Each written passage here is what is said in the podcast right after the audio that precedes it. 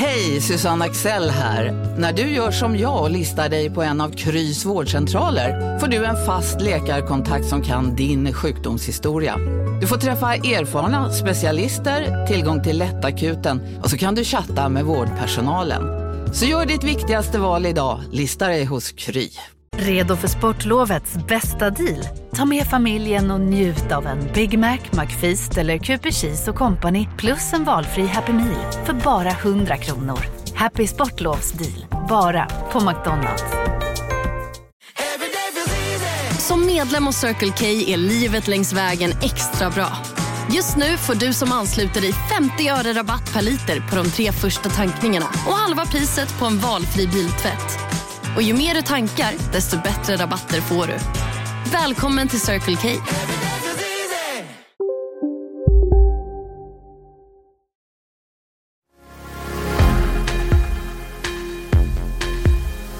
Fler häktade, längre häktningstider, eh, större mängd ska säga, fängelseår så döms, så döms ut. Så att det är även idag ett väldigt ansträngt läge för oss. Det finns ingen annan än kriminalvården som kan lösa uppgiften. Vi kan inte säga på nationell nivå att nu är det fullt. Vi kan inte när det kommer häktade eller lagakraftvunna dömda från domstolarna säga att någon annan ska ta ansvaret.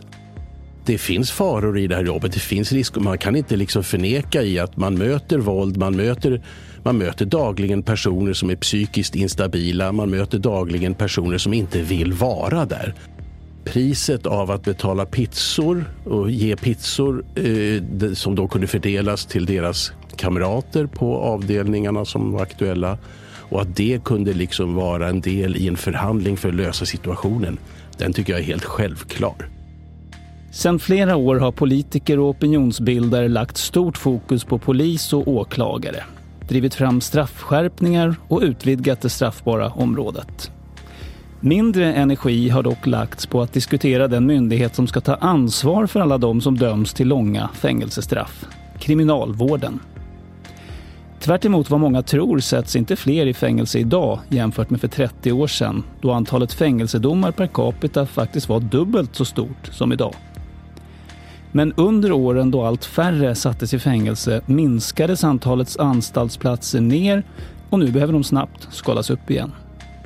Men frågan är hur lätt det är för kriminalvården att hålla samma takt som politiken och hur myndigheten, vars motto är “Vi bryter den onda cirkeln”, att göra just det snarare än att bli ett drivhus för mer kriminalitet och mer antisocialt beteende. Martin Holmgren, generaldirektör Kriminalvården, varmt välkommen till fredagsintervjun. Tack så mycket för det. Du har nu varit eh, GD då för Kriminalvården i ett och ett halvt år. Vad skulle du säga har förvånat dig mest under den här perioden?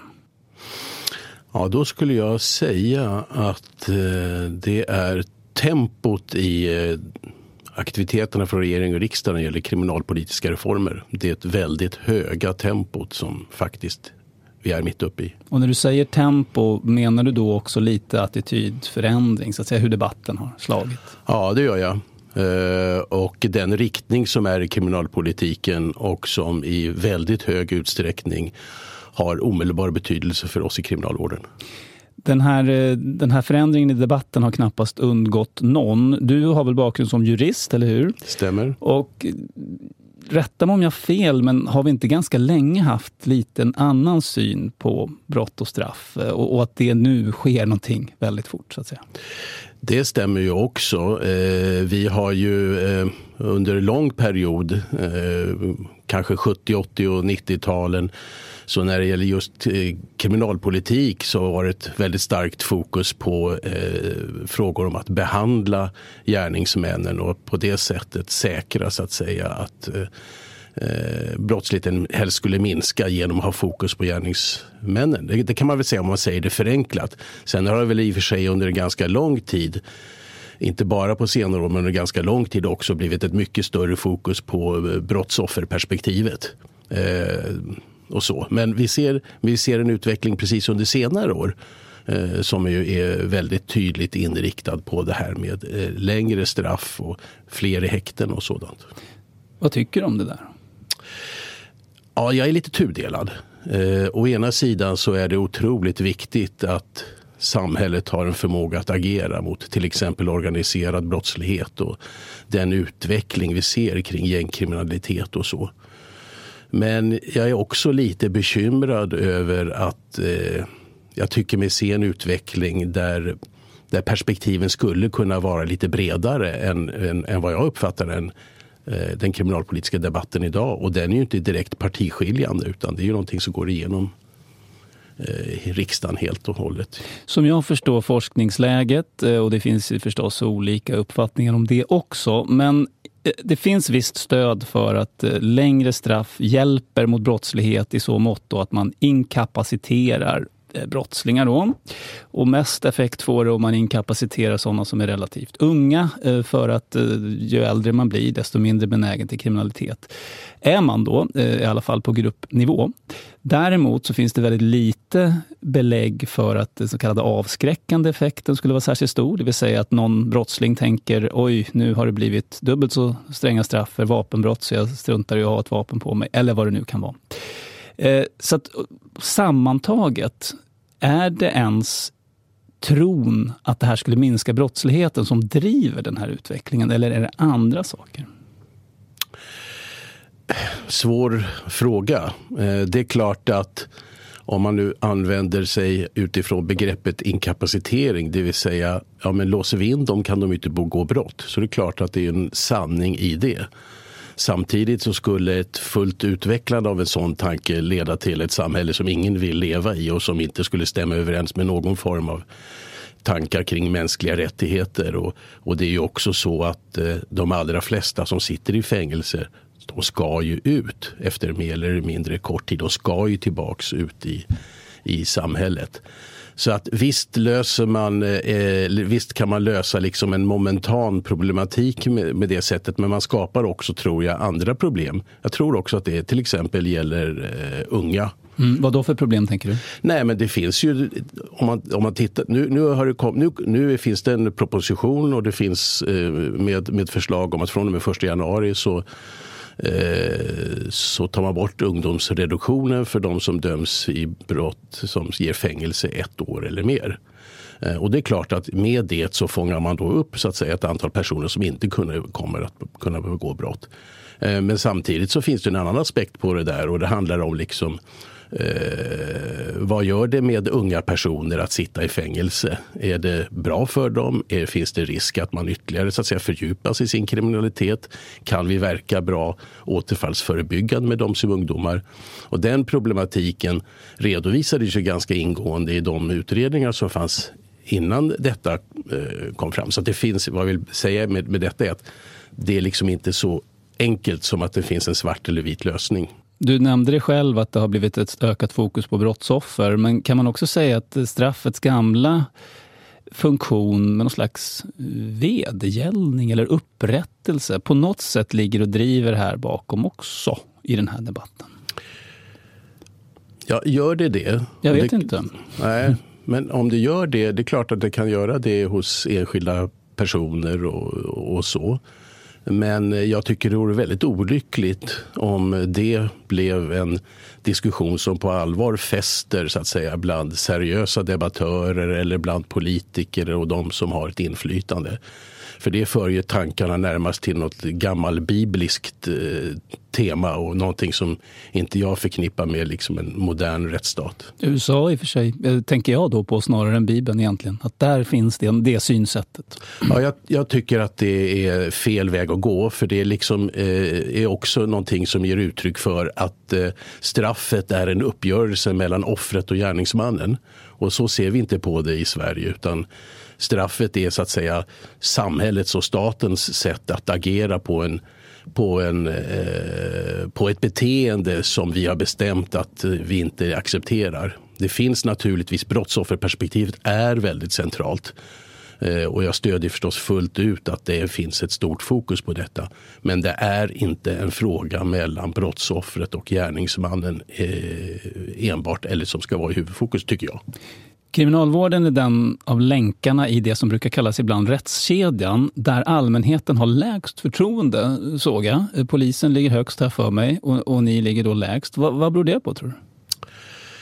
Nej, men så är det så du säger. Eh, det som är positivt är att vi tillsammans med andra myndigheter i rättskedjan ser en utveckling åt ökat förtroende från lite lägre siffror. För alla då? Ja, för, för alla. Vi följer nog rätt mycket så att säga kurvan, men vi ligger lägre.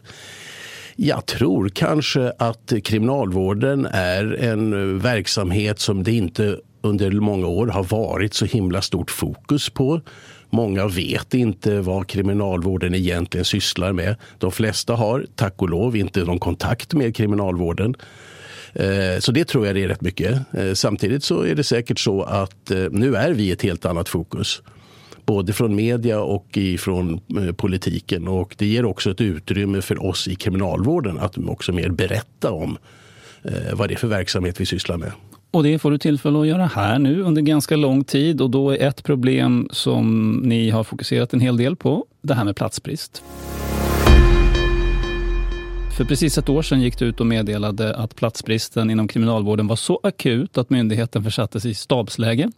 Målet då var att snabbt skaffa fram ytterligare 350 platser. Hur, hur gick det?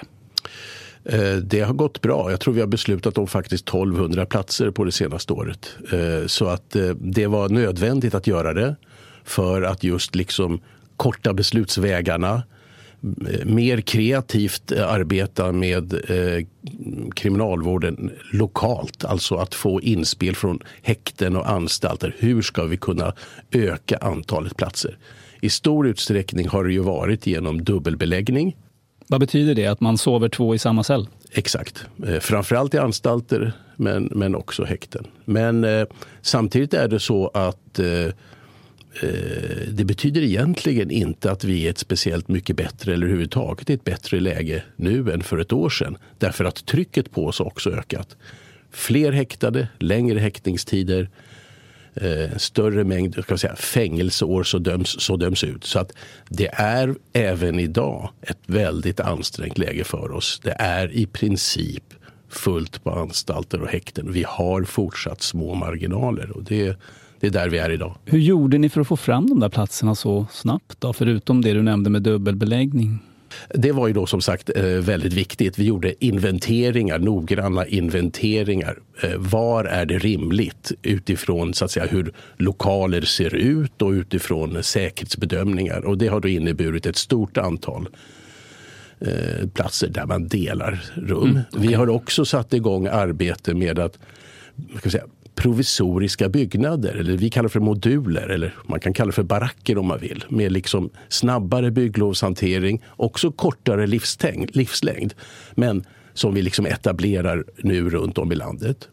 En annan viktig fråga för oss för att lösa detta, det, det handlar om det man kan kalla för våra interna flöden. För vi kunde konstatera att vi hade ganska mycket lediga platser på öppna anstalter, det som vi kallar för klass 3. Men däremot rätt så fullt på de slutna, de som har murar och staket, klass 1 och 2. Då gjorde vi ett ganska ingående och får jag säga kvalificerat arbete för att bedöma finns det inte så möjlighet att flytta ner ett antal från klass 2 till de öppna anstalterna utan att det för den sakens skull skulle riskera att folk liksom lämnar de miljöerna. För att det är ju så att på öppna anstalter finns det inte staket normalt sett utan vi brukar säga att när man är där så ska man inte vilja rymma. Mm. Och det har vi gjort.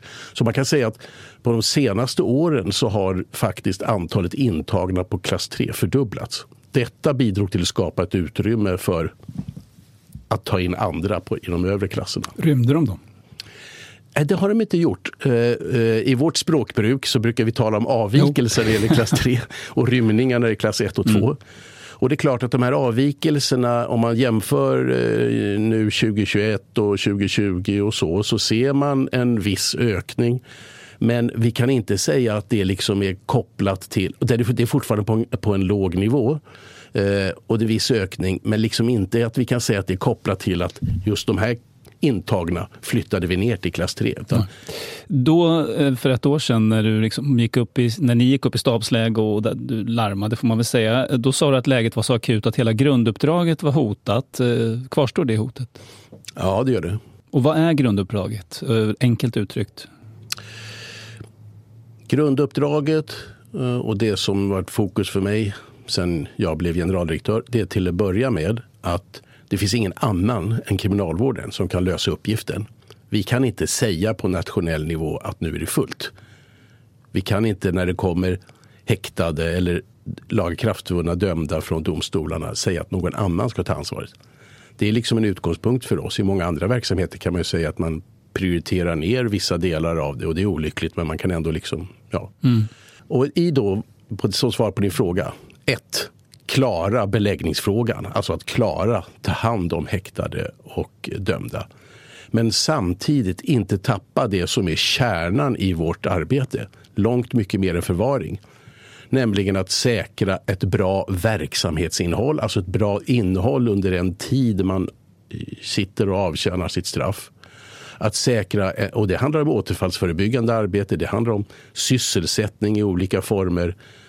Eh, och det handlar också om att säkra att vi inte tappar den får jag säga, höga och goda säkerhetsnivån som vi under senare år kan berömma oss kring. Och när du sa det här med att grunduppdraget är hotat, vad var det framför allt du tänkte på då? På vilket sätt var det hotat? Ja, i alla delar. Eh, dels att vi faktiskt, hur ska vi ha förmåga och det som vi pratade om alldeles nyss, att ta emot eh, häktade och, och frihetsberövade. Hur ska vi göra det på ett sätt som, eh, som ändå liksom är rimligt? Men också att det förhållandet att det blir så många fler i våra anstalter gör att det kan vara svårt att hinna med och ordna med att möta behov av utbildning, möta behov av arbetsdrift. Många anstalter så arbetar man ju sysslar med träindustri eller plast eller industri, jordbruk och så. Och att hur ska vi liksom hinna med att möta det med personalresurser och ha liksom ändamålsenliga lokaler.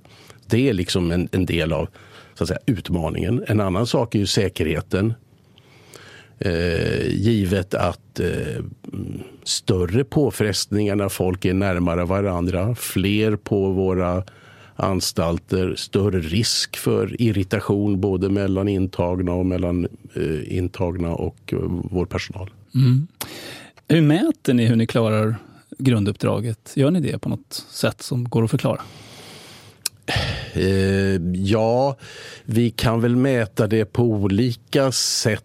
Så till exempel i liksom hur, hur håller vi sysselsättningsgraden i procent? Eh, ser vi liksom att vi backar när det gäller arbetsdrift eller utbildning?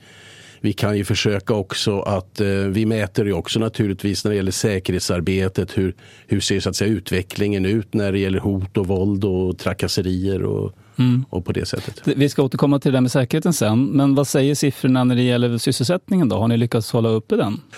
På det stora hela, ja. Och jag vill också gärna betona att vi har inte sänkt våra ambitioner. Vi har inte, vi har inte kommit till det läget att vi säger att nu är trycket så stort så vi kan inte ha längre de här ambitionerna. Mm. Men på det stora hela så ja. Men det är också eh, eh, det kan också se olika ut på olika anstalter. Under coronapandemin har till exempel en del ställen haft svårt att hålla produktionen uppe därför att externa kunder inte efterfrågar eh, vad vi gör och så vidare. Mm, ja, det var en speciell situation. Ja. Men, men, jag tolkar det ändå som att än så länge ja, Eh, vi lyckas upp, upprätthålla sysselsättningen. Ja, jag vill ändå påstå det, men ändå med liksom någon slags ödmjukhet i det påståendet. För att det är ett otroligt fokus på, för oss att dagligen jobba med det. Att säkra att vi har personal, säkra att vi har ändamålsenliga lokaler. Och just när det gäller, ja men ta till exempel lokaler, om det blir väldigt många fler intagna på anstalten så handlar det inte bara om att de ska ha celler eller bostadsrum utan vi måste kanske också ha större lokaler för att kunna möta behovet av sysselsättning. Mm. och, och och, och, ehm, det tar ju tid att bygga. I mars i år eh, så presenterade ni en utbyggnadsplan eh, på uppdrag av regeringen. Den tar sikte på 3 400 permanenta och nära 800 tillfälliga platser fram till år 2030. Kommer ni klara det där? Ja, vi la ju en, precis som du säger, vi la en plan. Den är ganska detaljerad den där planen, både vad det gäller eh, tidsaspekter och var i landet vi ska göra det. Jag tycker mig kunna säga att den planen håller vi i stora drag. Vi ser tendenser till, vad ska jag säga, lite på kort eller medellång sikt. Eh, vissa förseningar i byggen. Det är ju inte Det är, det är generellt inte ovanligt. Eh, det kan bero på många olika saker. Komplikationer i bygg, detaljplaneprocesser, komplikationer i att få fram moduler eller, eller annat som vi arbetar med, typhus och så. Men på det stora hela så, eh, så tycker jag att vi ligger rätt bra till i den planeringen vi gjorde. Det är rätt dyrt att ha människor inspärrade på anstalt. Ett vårddygn i fängelse kostar i genomsnitt 3 200 kronor. Vad är det som gör att det kostar så mycket? Vi har en väldigt personalintensiv kriminalvård i Sverige. Vi eh, bygger på att, vi brukar ofta prata om att det är viktigt och grundläggande för oss att jobba klientnära. Eh, vi har ju, så det, det är ett skäl, personalintensivt. Vi har ju också en infrastruktur som ju utgår ifrån till exempel att varje intagen ska ha en egen cell eller ett eget rum. Vi har ganska små anstalter. Vi har inte som i en del andra länder eh, stora avdelningar där man kanske har ett hundratal intagna som är liksom hopfösta i ett, i ett sammanhang. Utan det är mer differentierat och så. Så att eh, kvaliteten i den kriminalvård vi erbjuder eh, och, och, det som jag nu sa eh, gör att eh, det ligger på den mm. Eh, i, i en internationell jämförelse höga kostnaden. Riksrevisionen har ju granskat kriminalvården i flera omgångar och menade redan för 20 år sedan att svenska anstalter är alldeles för små. Att det skulle vara mer optimalt ur effektivitetssynvinkel att ha omkring 300 fångar per anstalt eh, snarare än de knappa 100 som ni har nu. Därför fick ni ett regeringsuppdrag att öka storleken på anstalterna. 2003 var medelstorleken 82 och 2018 hade det bara stigit till 97 interner per anstalt. Eh, varför är det där så svårt att åstadkomma om det nu är bra? Ni kanske inte håller med om att det är bra med 300? Um, ehm, ja, jag eh, får väl erkänna att hela den liksom historiska bakgrunden och de ställningstaganden som gjorts under den perioden uh, du nämner, den har jag liksom inte riktigt koll på. Men om jag tar liksom perspektivet vad jag själv kan överblicka eh, så är det ju så att vi har ju numera en inriktning att gå mot färre och större anstalter. Och det är en del av den här planeringen som du, som du tidigare redogjorde för som vi har till 2030. Vi har ju till exempel eh, i den här planeringen att vi ska bygga tre nya, helt nya anstalter. Alla de tre eh, utgår ifrån att det är minst 300 intagna. Så, så på det sättet så är det en sån riktning vi arbetar med. Så det nya, det nya svenska fängelset kommer i större utsträckning att vara i den storleksordningen? Delvis, ja. Men vi kommer också under överskådlig tid att behov av att behålla väldigt mycket av den infrastruktur vi har idag. Därför att eh, förutom de här nya anstalterna så det kanske viktigaste vi kan göra, eh, mest framgångsrika, det är att bygga ut på de ställen där vi finns och expandera där vi finns. Och det är klart att vi kommer även under lång tid ha ha anstalter som är liksom lite mer varierade i storlek. Och även om vi går i en riktning mot större så tror jag också att det är klokt att över tid bibehålla en viss flexibilitet. Därför att det ger oss ett utrymme låt säga om 7, 8, 10 år att det plötsligt blir en väldigt stark nedgång i antalet intagna. Då måste vi kunna anpassa oss till det. Och det kan bli lättare om det är så att vi har liksom ett, vad ska säga, ett utbud av både lite mindre och större anstalter. Om ni ska lyckas skala upp verksamheten så snabbt som den här utbyggnadsplanen siktar på så måste ni naturligtvis anställa mycket folk. Eh, hur lätt eller svårt är det att hitta lämpliga personer för att jobba i kriminalvården? Ehm, det här är en av de absolut viktigaste frågorna för oss. Vi har jättestort fokus på att klara både rekryteringen och arbeta med kompetensförsörjningen brett. Vi har en, eh, skaffat oss en nationell rekryteringsorganisation Eh, och vi, som, precis som, som ligger i din fråga, vi rekryterar nu eh, väldigt eh, mycket folk. Vi har väldigt stora rekryteringsbehov varje år. Eh, I huvudsak så skulle jag säga att rekryteringsläget är gott. Vi har väldigt många sökande på varje så att säga, eh, anställning som, som vi är intresserade av. Så det finns ett väldigt stort intresse. Sen är det klart att det ska matchas mot att det är personer som är som är lämpliga. Och, och, och det är klart att det kan också finnas vad säger, mindre eh, geografiska skillnader. Det som är utmaningen för oss just nu skulle jag vilja påstå är inte bristen på sökanden utan att hinna med och rekrytera i den takt som personal efterfrågas från våra häkten och anstalter.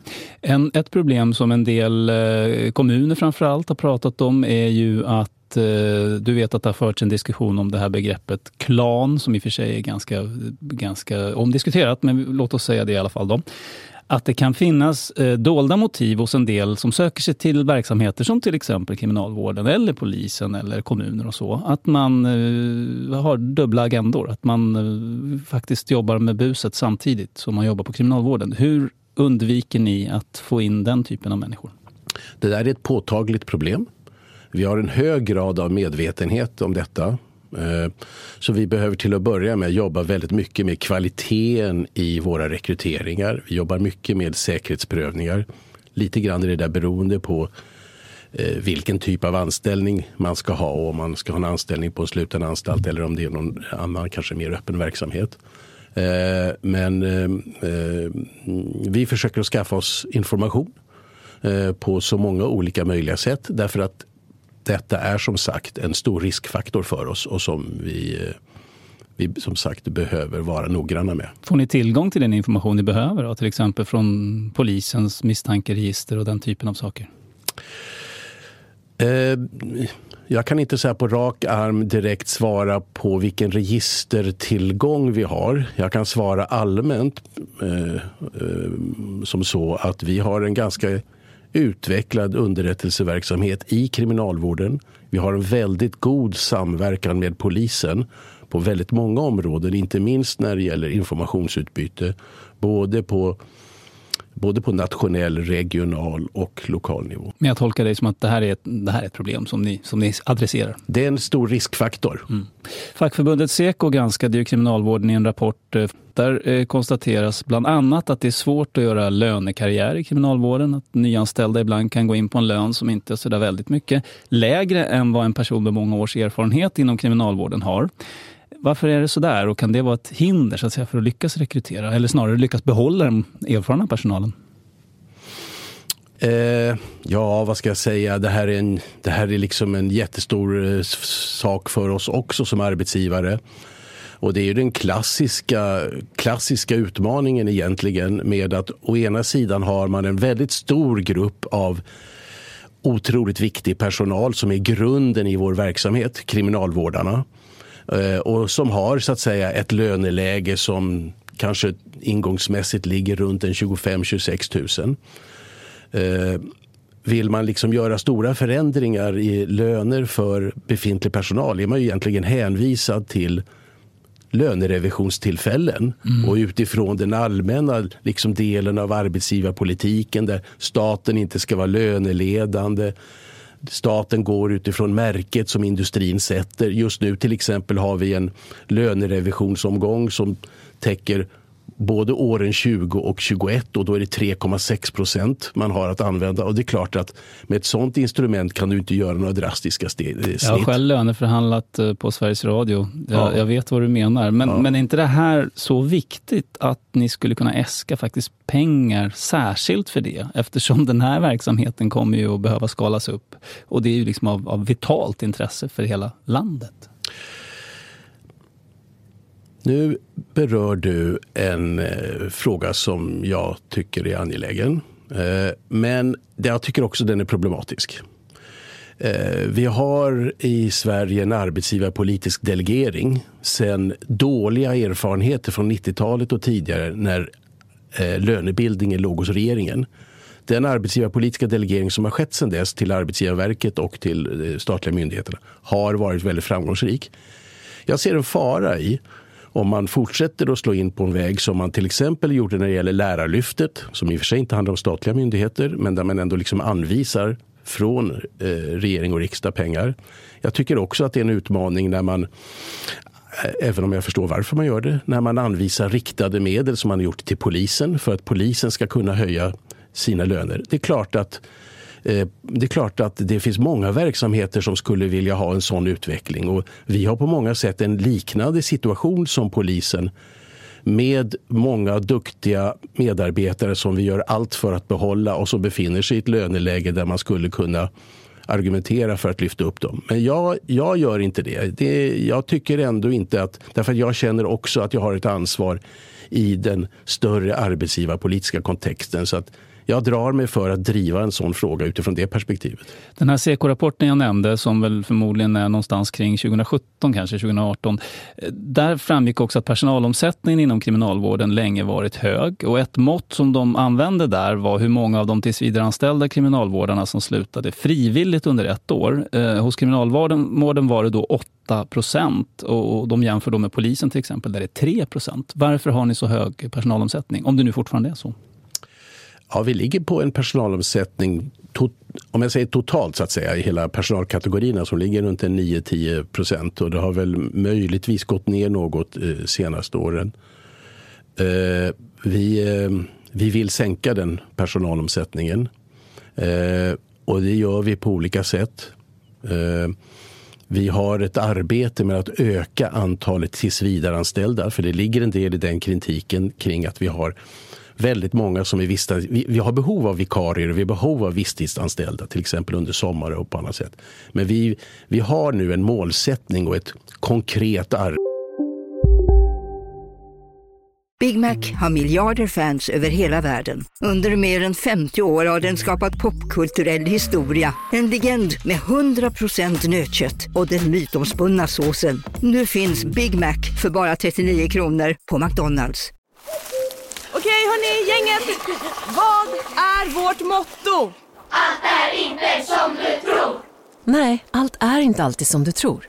Nu täcker vårt nät 99,3 procent av Sveriges befolkning baserat på röstteckning och folkbokföringsadress.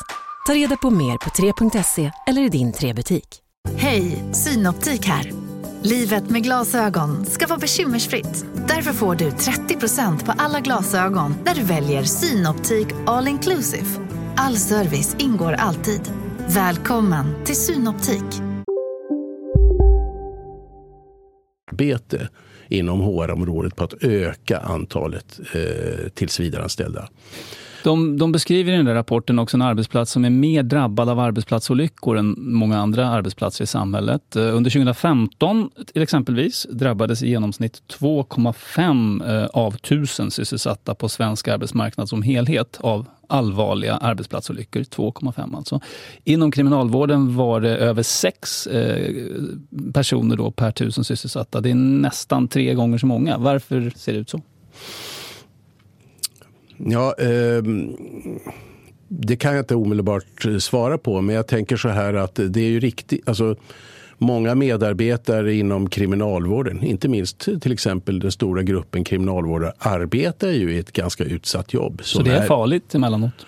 Det finns faror i det här jobbet. Det finns risker. Man kan inte liksom förneka i att man möter våld, man möter, man möter dagligen personer som är psykiskt instabila, man möter dagligen personer som inte vill vara där. Så att kriminalvården, tror jag, liksom eh, stor del av blåljuspersonal sticker säkert ut i förhållande till liksom en generell jämförelse. Med det sagt så vill jag också säga att arbetsmiljöfrågorna Eh, det ligger i detta med att vi har ett väldigt fokus på ska säga, personalfrågor generellt nu därför att det är liksom en nyckel för att vi ska klara eh, den jobbiga situationen vi är i. Så är arbetsmiljöfrågorna viktiga och inte minst att ha en god samverkan med våra skyddsorganisationer och fackliga organisationer. Det här är fredagsintervjun från Kvartal med Kriminalvårdens generaldirektör Martin Holmgren. Jag heter Henrik Höjer och är vetenskapsredaktör på Kvartal. Varje vecka får vi in lovande manus till texter, ofta från forskare eller andra som är experter på det de skriver om. En del kommer in spontant, annat har jag beställt. En del av mitt jobb går ut på att göra de här texterna så läsvärda och faktakollade som möjligt. Det är så vi på Kvartal jobbar med att kvalitetssäkra vår journalistik. Om du gillar det vi gör och tycker det är viktigt att samhällsdebatten tillförs nya perspektiv i saker som kriminalpolitik, utbildning, klimatfrågor, migration. Då är det viktigaste du kan göra att stödja oss på Kvartal på regelbunden basis. Som månadsgivare eller som licenstagare. Hur det blir det kan du läsa mer om på kvartal.se gava. Tack på förhand. Vi ska byta fokus nu. Vi var ju egentligen redan inne på det här med säkerheten. Genom åren så har kriminalvården av och till haft problem med detta. Under de första åren på 2000-talet så inträffade en hel del incidenter. Rymlingarna från Hallfängelset är fortfarande på fri fot och nu kräver flera partiledare justitieminister Bodströms avgång. Och när man kommer in på avdelningen då så möts man av en intern med eh, en pistol i handen. Och de blir tagna som gisslan. Enligt TT var det Tony Olsson som stod med en pistol i handen när de två vårdarna klev in genom dörren till fängelsets isoleringsavdelning. De fyra rymlingarna kan vara farliga och det finns risk för att de med våld kommer att skaffa sig det de har behov av en 25-årig kvinnlig vårdare på häktet i Huddinge i Flemingsberg har avlidit efter att hon misshandlats av en intagen. Det var här ute i Flemingsberg i samband med en rast på taket som mannen som sitter häktad för våldsbrott överföll den 25-åriga kvinnan. Mm. Eh, de här händelserna ledde ju till att arbetet med säkerheten skärptes betydligt. Vad var det framförallt som förändrades där? Om man tar de här, det här inledande som, som, som du tog upp som handlar om händelser kring åren 2003 och 2004. Eh, det var fruktansvärda tider för kriminalvården och eh, ett resultat av det som då hände var en, ett väldigt förändrat eh, säkerhetsarbete. Eh, dels så byggde man nytt när det gäller ska säga, de allra säkraste enheterna eh, som vi har. Men framförallt så inrättade vi något som vi kallar för liksom ett dynamiskt säkerhetskoncept. Som handlar om att man ska både jobba med teknik och med lokaler men inte minst när det gäller liksom personalens utbildning. Att ha liksom bra rutiner eh, och också veta hur man ska hantera risksituationer för att liksom förebygga sånt som ju då hände flera gånger. Rymningar, fritagningar. Eh, det var också en period där man till exempel när det gällde upploppen på Tidaholm tillät intagna att samlas i väldigt stora grupper, vilket vi inte gör nu. Det var 1994? Så det var precis. Så att tiden efter 2004 har eh, det har varit en radikal förändring i kvaliteten på vårt säkerhetsarbete. Och vi har egentligen sedan 2004 varit förskonade från allvarligare incidenter. Förutom den här händelsen, den mycket fruktansvärda tragiska händelsen i Huddinge som, som, som ledde till en kvinnlig kriminalvårdares död. Där var det väl, mm, det var i och för sig för, innan jag tillträdde som generaldirektör, men där var det väl framförallt så att befint, det brast i hanteringen av befintliga rutiner. Ja, så vitt jag förstår så fördes inte information om en, en individs farlighet vidare. Men sen var det ju också då ett ensamarbete. Som det, det skulle inte ha varit ett Nej. ensamarbete, men det var det i den här situationen. Och det var, det var eh, inte enligt så att säga, de eh, manualer och instruktioner som fanns. Eh, så vad, hur har ni adresserat det där efter den tragiska händelsen då när det gäller att undvika en riskfyllt ensamarbete? Man arbetar inte en, ensam i eh, situationer som vi överhuvudtaget bedömer kan vara eh, riskbenägna eller farliga. Vi jobbar ofta till och med liksom att det kanske är tre eller till och med fyra kriminalvårdare som möter en intagen eh, där vi känner till att det finns liksom en besvärlig situation. Sen ser det förstås olika ut om man är på, en, på ett häkte eller om man är på en, en sluten anstalt eller om det är en, en, öppen anstalt klass 3. Där är det förstås eh, eh, en, en, annan riskbedömning i, i, i, den, i de lägsta klasserna. Ja, det är väl därför de är där. Det är därför de är där. Eh, det var som sagt en period med flera allvarliga tillbud. Under de senaste tio åren har anstalterna varit långt mer förskonade från riktigt allvarliga saker. Men så i somras så hände det här. Vi börjar utanför Eskilstuna där det sedan lunchtid har pågått ett gisslandrama inne på Hällbyanstalten. Två kriminalvårdare har tagits som gisslan av två intagna. Vid sjutiden igår kväll så släpptes en av de två från kriminalvården så var det gisslan. Det som har inträffat nu är att gisslandramat är över och att båda våra medarbetare är släppta och det känns fantastiskt skönt. De uppgifter som vi har är att eh, gisslan har begärt helikopter och eh, att de ville ha kebabpizza och att det levererades. Kan du bekräfta de här uppgifterna? Mm.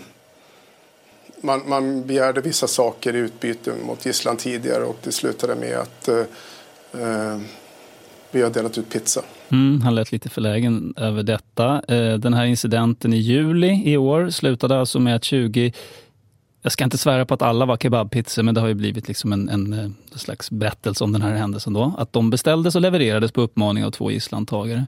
Och det här var den första värre på ett tag. Till att börja med, hur lyckat var det med, med de här pizzorna? Alltså, man ändå gick till mötes, eh, belönade någon för en gisslantagning, så att säga. Även om det bara var med pizza. Jag måste säga att jag blir rätt provocerad av det här liksom ingången med kebabpizzor. Ja, det, är liksom... det, det, är inte jag som har hittat på den utan den har ju funnits överallt. Jag vet det. Jag blir provocerad av den i alla sammanhang. Därför att den ger liksom någon slags sken av att det här var någonting eh, löjligt eller larvigt eller någonting som man liksom eh, i första hand kunde raljera över. Det här var den allvarligaste situationen som kriminalvården har befunnit sig i sedan de här händelserna 2004. Vi hade två stycken av våra kriminalvårdare som eh, som var tagna som gisslan. Eh, det vill jag först säga. Eh, eh, sen vill jag också säga det att det var ett fantastiskt arbete av våra kriminalvårdens förhandlare det var de som skötte förhandlingarna med de intagna. Vi hade stöd från polisens motsvarande personal, men det var våra förhandlare som skötte detta. Eh, och det är klart att eh, priset av att betala pizzor och ge pizzor eh, som då kunde fördelas till deras kamrater på avdelningarna som var aktuella och att det kunde liksom vara en del i en förhandling för att lösa situationen. Den tycker jag är helt självklar. Det kändes som ett lågt pris att betala. Det, ja, det kändes som ett lågt pris att betala. Och det är väl just sådant som de som sitter i en förhandlingssituation ska själva liksom göra en bedömning av vad som är rätt. Mm. Sen, sen när det gäller den här händelsen, för då får man väl också säga Eh, så pågår ju fortfarande utredning. Eh, man har inte väckt åtal ännu mot de, mot de två gärningspersonerna. Och vi har ju också parallellt i kriminalvården en egen internutredning som så att säga vi, vi kommer att bli färdiga med när också åtal har väckts som ska, som ska se liksom vad, vad som gjordes bra eller vad kanske som gjordes mindre bra i den här hanteringen. Även fast ni inte har kommit hela vägen där än, kan du säga någonting? För det här var ju rätt farliga personer. De var ju dömda för väldigt grova brott. Vad var det i säkerhetsarbetet om något, som gick fel där? Eh, jag vill vara försiktig eftersom utredningsarbete pågår. Det jag kan säga, eh, Eh, det jag kan säga så här är till att börja med eh, så finns det ingenting i det här som tyder på att det här egentligen var någon välplanerad, genomtänkt, eh, strukturerad idé från de här två intagna. Det var inte heller kopplat till direkt till någon överbeläggning. Det fanns ingen dubbelbeläggning på, den här, eller på de här avdelningarna på Hällby. Så att det framstår mer som så att säga någonting som man har gjort relativt oöverlagt eh, och så. Men de hade ändå vapen av något slag i alla fall som de kunde hota med. Det tyder ju på någon, någon, någon grad av planering ändå, eller? Det är självklart. Det är klart att det har funnits en planering och jag vill inte på något sätt eh, uttala mig på något som, som skulle liksom kunna ha någon inverkan på en, en kommande rättegång. Så att återigen, vara försiktig kring detta. Men, men det har ju också anstaltschefen eh, berättat om i tidigare radiointervjuer. Och det är klart att det kan ju finnas sånt som till exempel eh, intagna behöver ha, ut, behöver ha en del eh, vad ska vi säga, eh, nödvändigheter för att klara personlig hygien. Det kan handla om tandborstar, det kan handla om Eh, Eh, för att kunna raka sig. Och hur ska man liksom hitta rätt nivå i det där? Även, även det mest enkla eh, redskap kan förvandlas till ett stickvapen och sådär. Så, så det, finns, det finns utmaningar i detta. Men vad som, har varit, vad som har gjorts bra och vad som har gjorts mindre bra, det är liksom en del av det utredningsarbete som pågår. Om vi, vi tittar framåt så har vi pratat mycket om att det kommer bli mycket trängre, eller i alla fall fler personer intagna på anstalt och dessutom tror jag att strafftiden kommer att öka lite grann. Det kommer att vara grövre brottslingar helt enkelt. Hur ser du på risken för att något nytt sånt där i stil med ja, det som hände 2004 kanske jag tänker framför allt. Någon stor situation, gisslantagning, upp, upplopp och så vidare kan inträffa? Varken jag eller någon annan i kriminalvården kan garantera att något sådant inte inträffar och det är klart att eh, i takt med att man får in fler dömda som är kopplade till avancerad organiserad brottslighet eh, i takt med att det överhuvudtaget blir fler så ökar också riskerna och därför är det ju vår sak att möta riskerna eh, på ett sätt som gör att vi tycker att vi liksom ändå har kontroll över hela.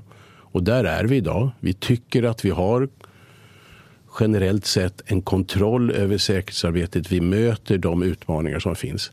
Sen finns det ju faktorer som gör, och som jag tycker Hällby också är ett eh, exempel på, som gör att vi löper mindre risk att drabbas av eh, de där värsta typerna av fritagningar och rymningar och så. Därför att vi har ett helt annat säkerhetsarbete. Vi, som vi säger, vi fryser läget. Vi accepterar inte att man ska kunna ta sig ut från anstalterna i en hotsituation. Mm. Även om, som kriminalvården då, eller som vi har konstaterat, kriminalvården har inte haft så många spektakulära eh, incidenter eller gisslansituationer som i början av 2000-talet, så tycks ändå klimatet ha hårdnat. Eh, inför det här så tittade jag igenom då statistiken över incidenter från 2017 till och med september i år och då gjorde jag helt enkelt så att jag delade eh, årets siffra på 262 och multiplicerade med 365, så det skulle ge en årssiffra. Och det är en påfallande stor ökning som har skett ändå. Visserligen har antalet intagna då, eller pågående verkställigheter som ni kallar det, ökat med knappt 30 procent. Men hot och våld mot er personal har vad jag kan se i alla fall fördubblats eh, sedan 2017, det vill säga ökat med mer än 100 procent. Vad är det som har hänt? Eller vad är det som ligger bakom detta?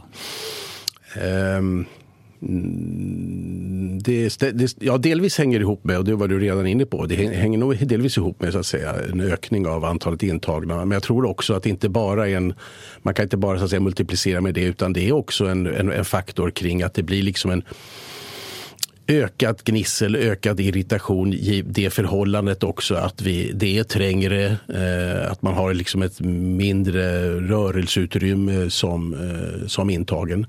Jag tror också eh, det, eh, att en del av förklaringen ligger i, och det är något vi uppmuntrar, att, att var, eh, bli duktigare på att göra anmälningar vid, när incidenter och så inträffar. Det där är så svårt det, för er att veta, va? hur mycket som handlar om ökad, för ökad ja. anmälningsbenägenhet diskuterar man ju också mycket ja, när det gäller brottslighet ja. i största allmänhet. Mm. Ja, nej, men det, så, så är det. Eh, men vi arbetar med de, med de där siffrorna och vi, det är liksom en del i när vi, eh, när vi nu liksom, hur kan vi kompensera för det liksom ökade trycket på oss genom säkerhetsåtgärder, genom att säkra att vi har Eh, tillräckligt med personal, att vi har kompetent personal och så. Det som vi kan konstatera i de här eh, eh när det gäller hot och våld eh, mellan intagna och medarbetare det är att vi ser inte någon påtaglig ökning av det som vi ser som riktigt allvarliga incidenter. Men det är, det är allvarligt ändå. Eh, eh, eh, och se till att vi liksom agerar på olika incidenter. Och vi har ju löpande uppföljning med så att säga, incidentrapportering och vi jobbar med egna utredningar och så för att försöka liksom eh, säkra rutiner och, och, och, verka för liksom en, en utvecklad bra arbetsmiljö. Jag tänker att det måste vara en väldigt svår balansgång för er att ha en acceptabel nivå av säkerhet samtidigt som man inte tummar på behandlingens, eller vad ska jag kalla det, innehåll. För att det är klart, drar man det hela vägen till att bara prioritera säkerhet, då blir det ju närmast en, en djurpark till slut. Alltså. Mm. Så hur, hur tänker ni kring de här den balansgången? Nej, men det är en del av det här dynamiska säkerhetskonceptet. Att det sker inte liksom isolerat. Att vi har en säkerhetsavdelning som har något fritt mandat att agera utifrån vad som är maximal säkerhet. Utan det sker liksom i nära samverkan mellan de som har ansvar för anstalten, de som jobbar på anstalten, de som har ansvar för så att säga, själva verksamhetsinnehållet. Och där försöker vi, och du är inne på precis en, en, en rätt fråga, att det gäller då liksom att ha hur säkrar vi en bra balans i detta? Och det är också ett viktigt säkerhetsarbete att folk faktiskt sitter i sysselsättning. Alltså inte, inte bara att det är bra utifrån ett återfallsförebyggande perspektiv, men om folk går sysslolösa eh, så ökar ju frustrationen typiskt sett. Så att, att ordna med att det finns saker att göra på dagarna i olika former. Det kan ibland vara ganska banala saker men att det ändå finns någon form av sysselsättning. Och struktur kanske på en dag? Och struktur struktur mm. på en dag är ju, det är en rätt spännande fråga för att om man tar till exempel det här med arbetsdrift väldigt många av de som är intagna, det kanske är människor som aldrig haft en struktur i sin, i sin vardag. Man kanske aldrig har haft ett arbete där, där man är tvungen att följa liksom vissa tider och så. Så att det där med strukturen är också en viktig fråga.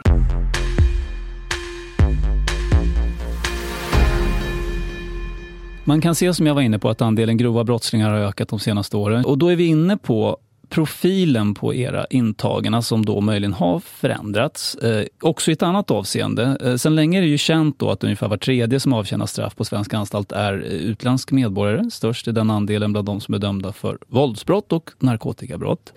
Mot bakgrund av den här debatten som har förts efter Brås senaste rapport, kan du se på anstalterna resultatet av en stor migration och en misslyckad integration? Är, det liksom, är anstalterna en spegelbild av det på något sätt? Eh, anstalterna är ju en spegelbild av samhällsutvecklingen i stort. Så är det förstås. Eh, och det är som du säger en tredjedel ungefär eh, av de som sitter intagna som är utländska medborgare. Däremot är det inte så att vi i kriminalvården för någon registrering eller statistik utifrån ska vi säga, mer etniskt ursprung. Utan vi har ju ett, vi har ju ett utifrån det perspektiv som vi har att bevaka så arbetar vi genom att göra eh, väldigt individualiserade bedömningar. Alltså vi utgår ifrån någonting där vi, när vi får en ny intagning så utgår vi ifrån, utifrån principer kring risk, behov och mottaglighet. Och då gör man en bedömning utifrån eh, vad är det här för person? Vad har, vad har man för social bakgrund? Vad vet vi om kriminalitet tidigare? Vad vet vi om prokriminella attityder, prokriminellt umgänge? Vad vet vi om missbruk? Vad vet vi om relationer, familj och sådant? Allt detta väger vi samman för att göra en sån adekvat både placering utifrån ett säkerhetsperspektiv men också för att bygga ett verksamhetsinnehåll. Eh, så det är liksom utgångspunkten i, mm. i, i vår bedömning att bygga på en individ individualiserad bedömning av de som kommer till oss. Och det är ju, det är liksom, det är ju gott så. Eh, däremot så tänker jag att det här är en diskussion som förs väldigt mycket i samhället nu och inte minst då Brå-rapporten är ett bra exempel på det. Jag försökte vid något tillfälle att få siffror från kriminalvården kring hur stor andel som har det som kallas då utlandsbakgrund, det vill säga att båda föräldrarna är födda i ett annat land än Sverige. Och då fick jag mycket riktigt svaret att frågan inte går att svara på eftersom kriminalvården enligt lag skulle vara förbjudna att registrera på det här sättet. Eh, och då måste jag ändå fråga, kan det verkligen vara möjligt? För vi har ju statistik precis med de här parametrarna på alla möjliga områden. Och det är inte etniskt i första hand, utan det är snarare är man född i Sverige eller inte, respektive är ens föräldrar födda i Sverige eller inte. Det har ju inget med etnicitet att göra.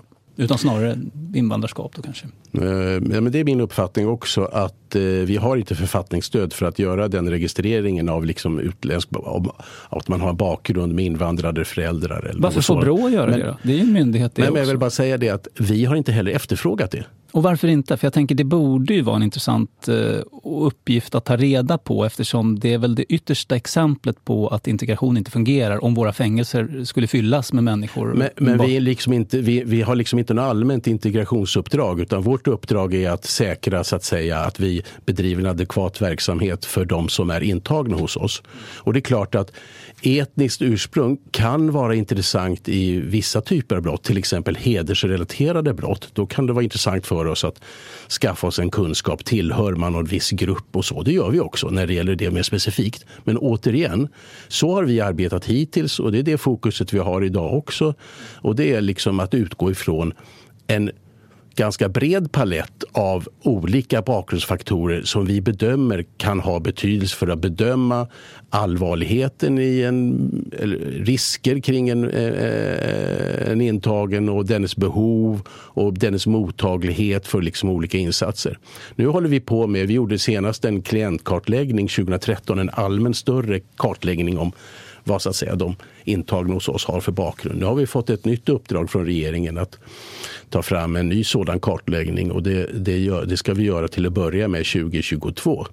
Men inte heller där kommer vi att ha, för det har inte vi identifierat utifrån våra egna behov, eh, liksom en, en, en sån Det kan jag förstå faktiskt, att, att det inte är så relevant för era behov. Däremot för samhällets behov, alltså för att veta hur går det för oss som samhälle. Där tycker jag, skulle jag säga, att det är en relevant eh, information och är lite förvånad över att ni inte går att få fram. I så fall så får väl regeringen ge oss ett sådant uppdrag. Men det har de inte gjort i alla fall. Avslutningsvis då, ett faktum som du nämnde i Ekots lördagsintervju förra året är att utbildningsnivån hos intagna generellt är låg. Bara, det här sa du då i alla fall, att bara 50 procent har max grundskola som utbildning.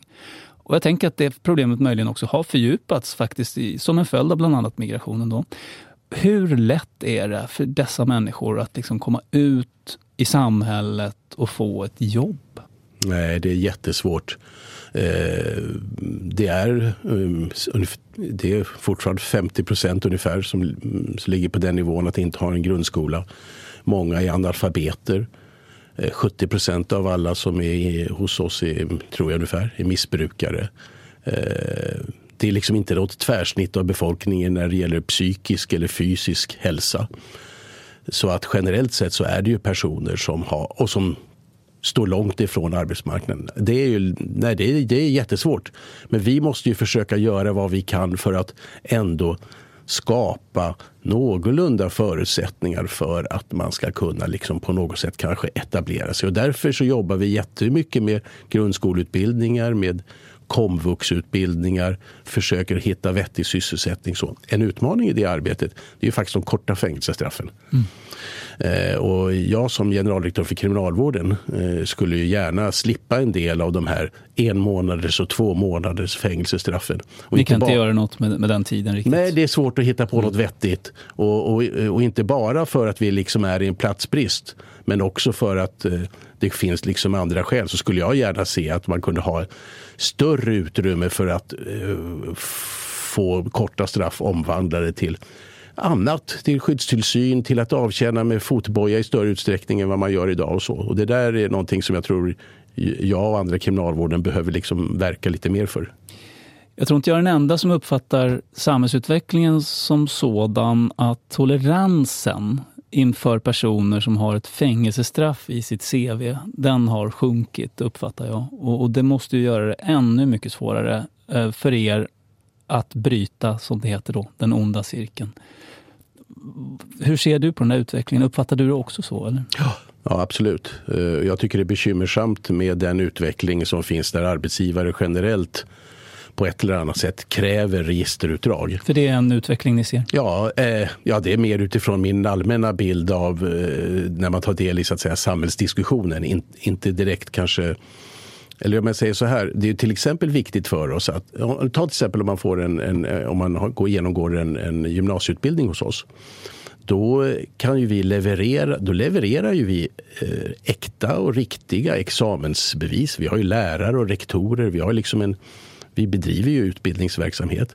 Men vi kan också göra det i examensbevis där det inte står stämplat kriminalvården utan Nej. de har liksom en neutral utformning. Men det är väldigt svårt för oss att komma åt detta att man får en fråga. Och jag har själv suttit med i samtal eh, in, inom ramen för frivården med en, en eh, villkorligt frigiven kille som just uttrycker en stor frustration över hur han har en kompetens, han har liksom tagit sig ur kriminaliteten han vill göra ett bra jobb och så möter han en arbetsgivare som säger till honom att jag vill först se liksom ditt registerutdrag och sen är man inte intresserad. Mm. Det är och, jätteknepigt. Ja, och för att det där är ju en, en, uppgift inte bara för er, kanske inte i första hand för er, utan för hela samhället. Så vad, vad skulle vara ditt medskick då till arbetsgivare och människor i, i samhället i största allmänhet? Hur vi ska se på de här människorna som då eh, har avtjänat sina straff och ska ut i samhället igen? Jag tycker så här att man får ha respekt för att det finns, det finns yrken där det kanske man inte är lämplig att, det, att vara med i eller ha en tjänst i beroende på vad man har för eh, kriminell bakgrund. Men, men, i huvudsak är det ju så att eh, det här är ju personer som har avtjänat sina straff. De ska ju få liksom en chans att kunna återinträda i samhället. Och totalt sett så tjänar vi ju på allihopa om vi ger förutsättningar för det på ett bättre sätt. För gör man det så är ju ändå risken eller chansen är ju större att det är personer som inte fortsätter med sin kriminalitet eller med sina säga, samhällsfientliga levnadsmönster. Eh, det där är väldigt svårt eh, att vetenskapligt bevisa exakt så att säga, vad det återfallsförebyggande arbetet har för effekt.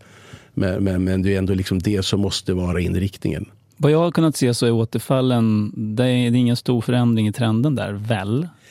Nej, det, det, man kan säga så här att eh, mm, beroende lite grann på hur man mäter och vi mäter ju över en treårsperiod när man har lämnat oss. Kommer man tillbaka så att säga och får någon påföljd i kriminalvården så över en 10-15 års period så har det sjunkit från att det kanske var 40 procent som återföll och nu är det 30 ungefär. Men de där tre... Då är frivården också inräknad? Ja, då är frivården också inräknad. Och då, i de där, men de där 30 procenten har väl legat rätt stabilt de senaste 4-5 åren. Men vi ser i alla fall inte någon ökning. Alltså att det har blivit sämre. Det har inte heller blivit sämre under pandemin eller det har inte blivit sämre under om vi nu kan mäta det eh, under, under så att säga, den här platsbristen som, som vi har fått. Så att mm. det har, långsiktigt så har det varit en trend som är åt rätt håll och den försöker vi, och där har vi också uppdrag från regeringen att eh, säkra. Men om de har så svårt att komma ut på arbetsmarknaden, vad, vad lever en, eh, en person som har avtjänat ett fängelsestraff typiskt sett av, om det då inte är kriminalitet igen? Ja, eh, eh, det, eh, om man inte lyckas eh, få ordning på sitt liv så är ju risken uppenbar. Och, eh, att man återfaller i att sina gamla miljöer, sina gamla kompisar, sin gamla boendemiljö och så. Det är ju eh, en sån sak som vi i vår så att säga, Eh, behandling och i våra förberedelser innan man villkorligt friges. Vår personal försöker arbeta väldigt mycket med för att säkra att man inte liksom återvänder till detta. Det är liksom en av de saker som vi har stört fokus på. Mm. Men det är klart, Eh, det bygger ju väldigt mycket också på samverkan, hur, fri, hur framgångsrika vi ska vara. Det bygger också väldigt mycket på samverkan med andra aktörer och med kommuner. Och, eh, i, i liksom, mm, eh, nu, nu har vi också, eh, det är rätt mycket fokus på frivården. Vi har det här Sluta skjut i Malmö som, där det ju liksom bygger väldigt mycket på ett samverkan mellan polis, frivård och kommun. Och, och... Men det jag undrar egentligen är, kan det dölja sig en minskad effektivitet hos polisen i de där siffrorna. Det vill säga att det är mycket möjligt är att man visst återfaller men man blir inte ertappad. Ja, det får du fråga någon annan om. Du har ingen uppfattning? Nej, det har jag inte någon uppfattning om. Okej, okay. eh, allra sist då. Vad är din största prioritering för arbetet med kriminalvården de närmaste, säg, fem åren? Mitt fokus och som är mitt uppdrag, det är att eh, klara eh, det här uppdraget i kanske den tuffaste situationen, bortsett från de här säkerhetsproblemen vi pratade om 2004 och tidigare. Den tuffaste situationen kriminalvården har befunnit sig i under modern tid och vi kommer att vara i det under de närmaste åren. Säkra att vi klarar beläggningen, säkra en god säkerhet, säkra en god verksamhetsinnehåll och samtidigt göra det med en personal som känner sig engagerad och vill fortsätta liksom göra det jobb man gör och med en god arbetsmiljö.